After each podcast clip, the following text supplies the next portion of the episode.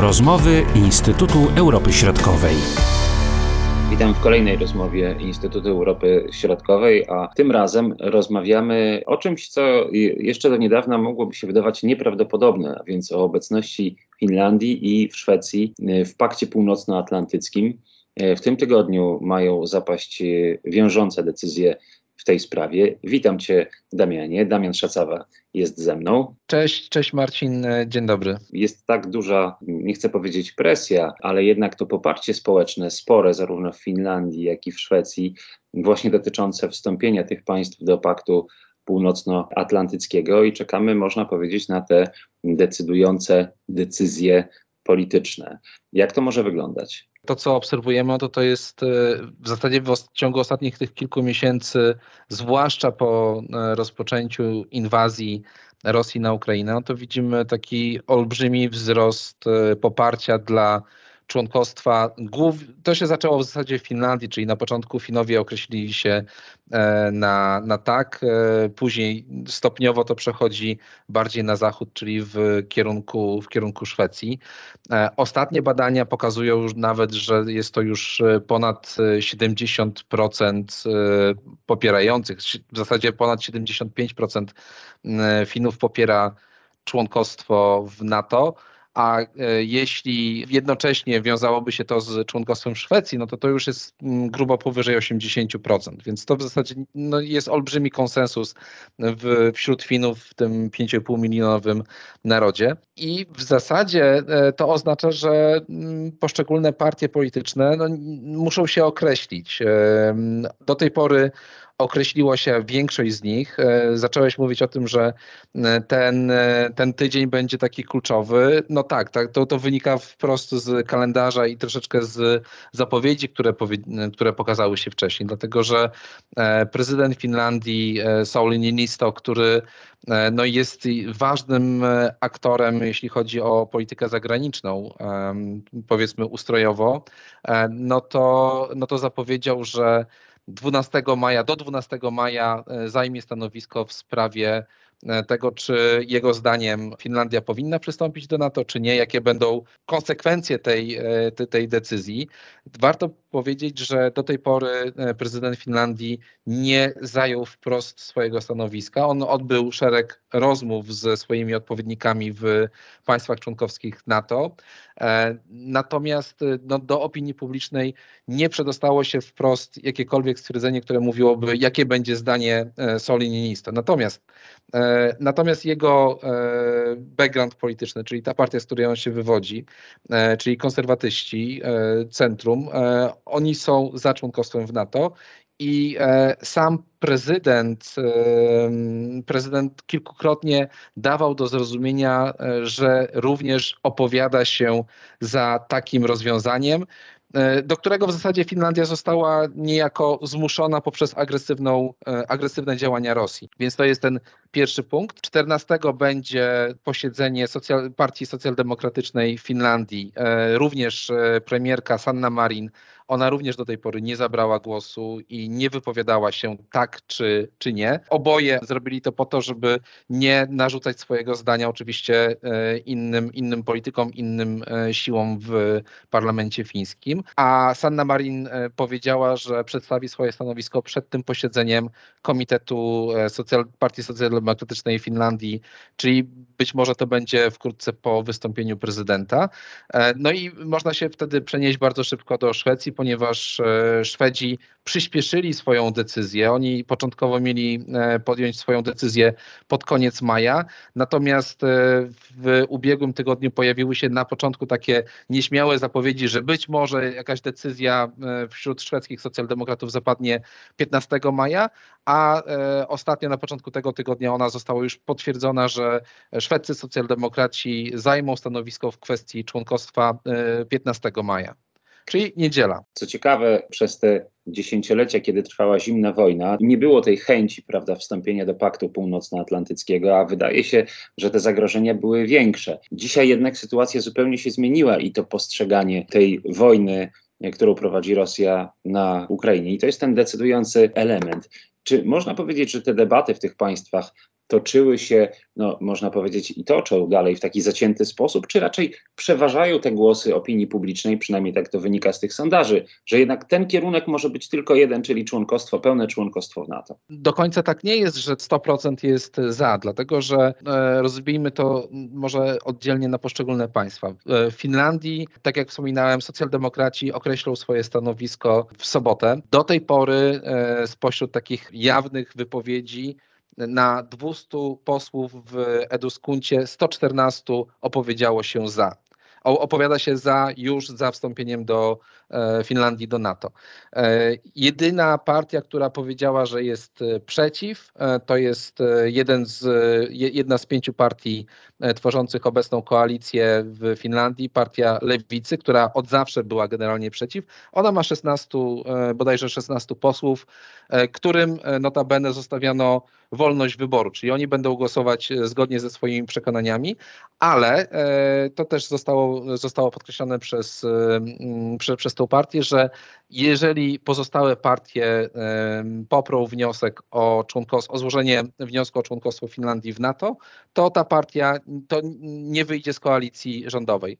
Czyli ona dalej będzie po prostu będzie członkiem tej koalicji. Tutaj nic się w zasadzie nic się nie zmienia, no bo oni widzą dokładnie, jaka jest proporcja pomiędzy tych, którzy chcą przystąpić, a tych, którzy nie chcą przystąpić. Znaczy, to jest też e, kilkakrotnie już rozmawialiśmy, charakterystyczne dla wszystkich państw nordyckich, że oni dążą do podejmowania takich ważnych decyzji, strategicznych decyzji z punktu widzenia polityki zagranicznej bezpieczeństwa e, w sposób nie pozostawiający wątpliwości. To musi być wyraźna, wyraźna większość. Nie jest to, co, co ciekawe, nie jest to też nigdzie określone, że to ma być, nie wiem, dwie trzecie czy, czy, czy, czy czwarte.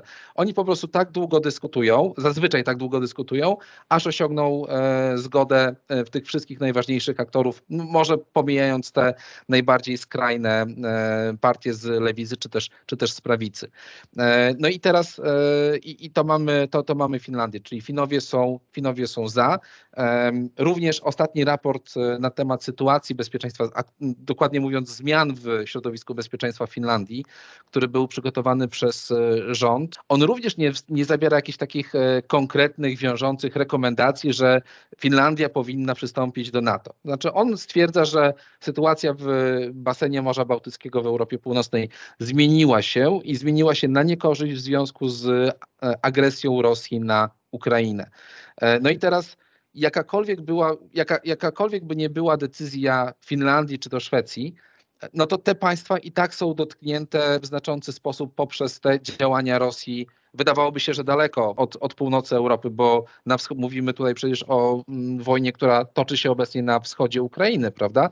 Ale E, no one zwracają uwagę na coś innego. Znaczy przez te kilkadziesiąt lat już po zakończeniu zimnej wojny e, fundamentem w ich polityce zagranicznej i polityce bezpieczeństwa była e, była bezaliansowość. Znaczy te państwa wyszły neutralne jako po, po, zakończeniu zimnej wojny, natomiast one później wraz z przystąpieniem do Unii Europejskiej w 1995 roku i rozwojem chociażby e, no, stosunków z, z NATO, one przestały określać się jako neutralne, a zaczęły się mówić jako bezaliansowe, czyli one utrzymywały wzmocnione partnerstwo z NATO, były członkami e, Partnerstwa dla Pokoju, uczestniczyły w różnego rodzaju operacjach, misjach e, wojskowych NATO, bardzo bardzo często we wspólnych ćwiczeniach, więc tutaj mm, ten, ten pod względem tego mm, powiedzmy komponentu wojskowego nie ma żadnego problemu.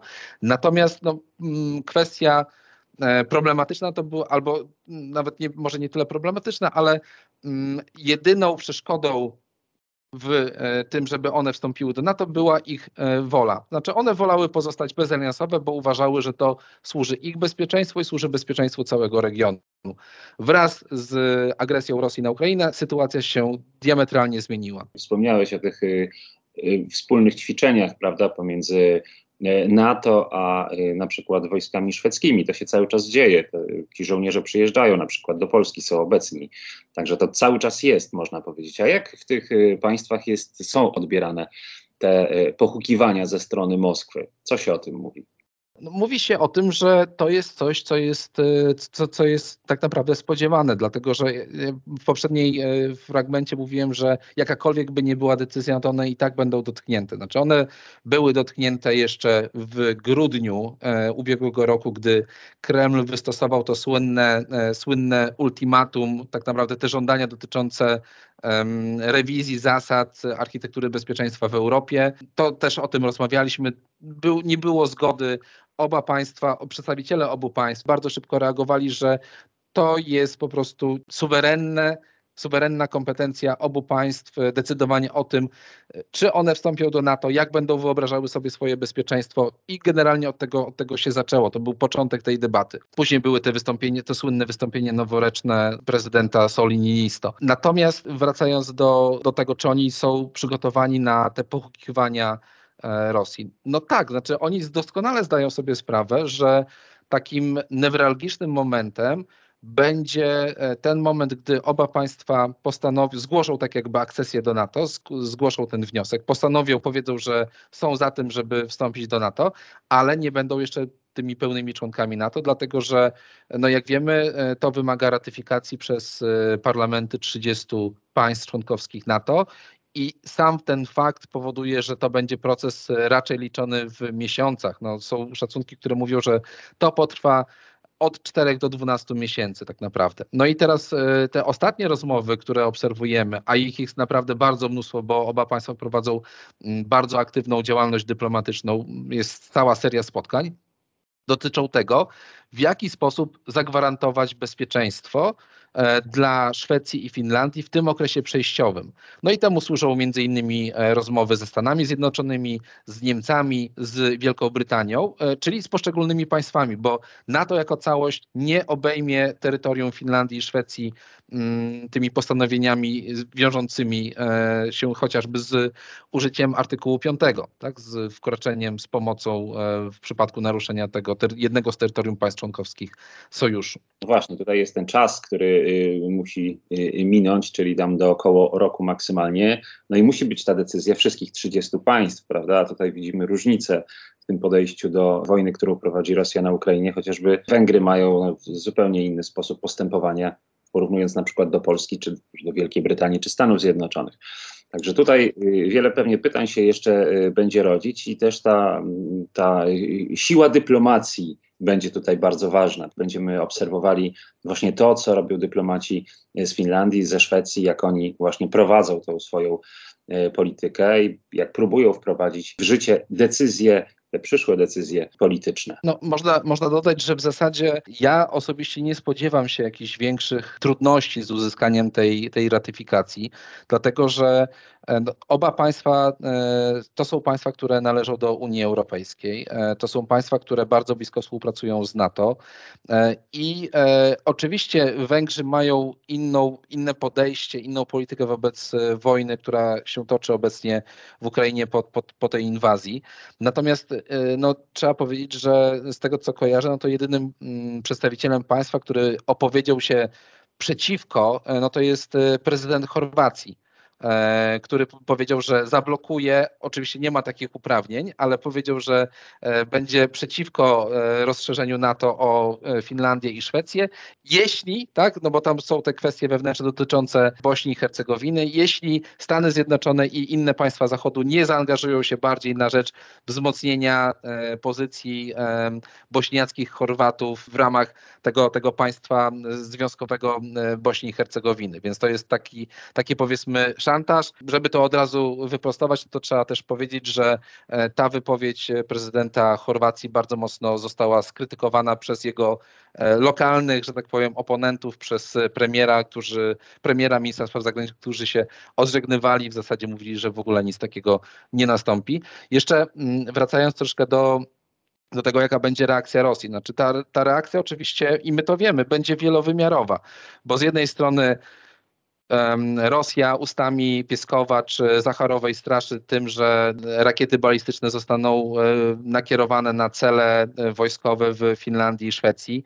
Jakbyśmy o tym nie wiedzieli, no to one pewnie i tak te koordynaty są gdzieś tam powprowadzane. Rosja i tak dysponuje dużym potencjałem, jeśli chodzi o możliwości, tak, jeżeli chodzi o atak na terytoria obu, obu tych państw. Mamy obwód kaliningradzki, e, mamy Sankt Petersburg, czyli ten północno, północno-zachodnią zachodnią Rosję, mamy Murmańsk e, z bazą floty arktycznej i to wszystko jest w bezpośrednim sąsiedztwie tak naprawdę Finlandii, czy obwód kaliningradzki poprzez Gotlandię, poprzez Bałtyk e, ze, ze, Szwecją. To, co już widzieliśmy, to, są, to jest nasilenie działań dezinformacyjnych. Była ta kampania, która mówiła o tym, że e, słynni Szwedzi, tacy jak Astrid Lindgren, Bergman, czy założyciel Ikei, e, to są faszyści, tak? Były tam powyciągane różne, różnego rodzaju ich wypowiedzi e, i że no, my walczymy, my walczyliśmy z nazizmem i, i z faszyzmem, a oni nie. Tak? I to, to było oczywiście w języku rosyjskim, więc to było nakierowane do e, społeczeństwa rosyjskiego, a no, ale y, nieprzypadkowo to się, te, te plakaty znalazły się również na przystankach naprzeciwko ambasady Szwecji, e, więc, y, więc, więc zadbano o to, żeby Szwedzi również o tym wiedzieli. E, no, już pojawiły się informacje dotyczące tego, wyciągające generałowi Mannerheimowi, temu słynnemu dowódcy fińskiemu z czasów zimowej wojny, że był faszystą, że kolaborował z Hitlerem, zapominając wcześniej, że tak naprawdę, że no, to był oficer e, armii carskiej e, początkowo, więc to jest troszeczkę bardziej skomplikowana, skomplikowana historia. Więc no, trzeba czekać na to, aż e, nie wiem, skoro tutaj pojawiła się Astrid Lindgren, no to no, trzeba poczekać na to, aż muminki zostaną oskarżone również o to, że kolaborowały i generalnie są przykładem demoralizacji. Dorzućmy jeszcze do tego dzieci z Bullerbyn no i będzie. Ja, nie, no to, to, to, to jest oczywiste. No dobrze, to czekamy na te decyzje wobec tego e, zarówno Finlandii, jak i e, Szwecji, a Rosja ponosi konsekwencje e, swojej przymiotników, mogę tutaj użyć dużo, bezsensownej polityki. Może powiem to w sposób taki bardzo łagodny. No tak, znaczy i oprócz tego, bo to są działania, które są podejmowane z jednej strony e, bilateralnie, czyli to są decyzje poszczególnych państw, Finlandii i Szwecji, ale one robią to bardzo mocno e, współpracując ze sobą. Pomimo tego, że wszyscy podkreślają, że stanowisko jednego państwa nie jest zależne od drugiego, no to wiemy, że pod względem polityki obronnej, no to to są dwaj podstawowi partnerzy dla siebie. Znaczy Finlandia jest podstawowym partnerem obronnym dla Szwecji obecnie i w drugą stronę Szwecja jest podstawowym partnerem dla Finlandii. Ta współpraca wojskowa, współpraca obronna pomiędzy nimi jest bardzo mocno zaawansowana. Więc no, również z naszego punktu bezpieczeństwa, z punktu widzenia bezpieczeństwa Polski, państw bałtyckich, koordynacja ich działań na rzecz tego, czy wstąpić do NATO, czy nie, jest jak najbardziej wskazana. Bardzo dziękuję za tę rozmowę. Damian Szacawa, do usłyszenia. Do usłyszenia, dziękuję również. Były to rozmowy Instytutu Europy Środkowej.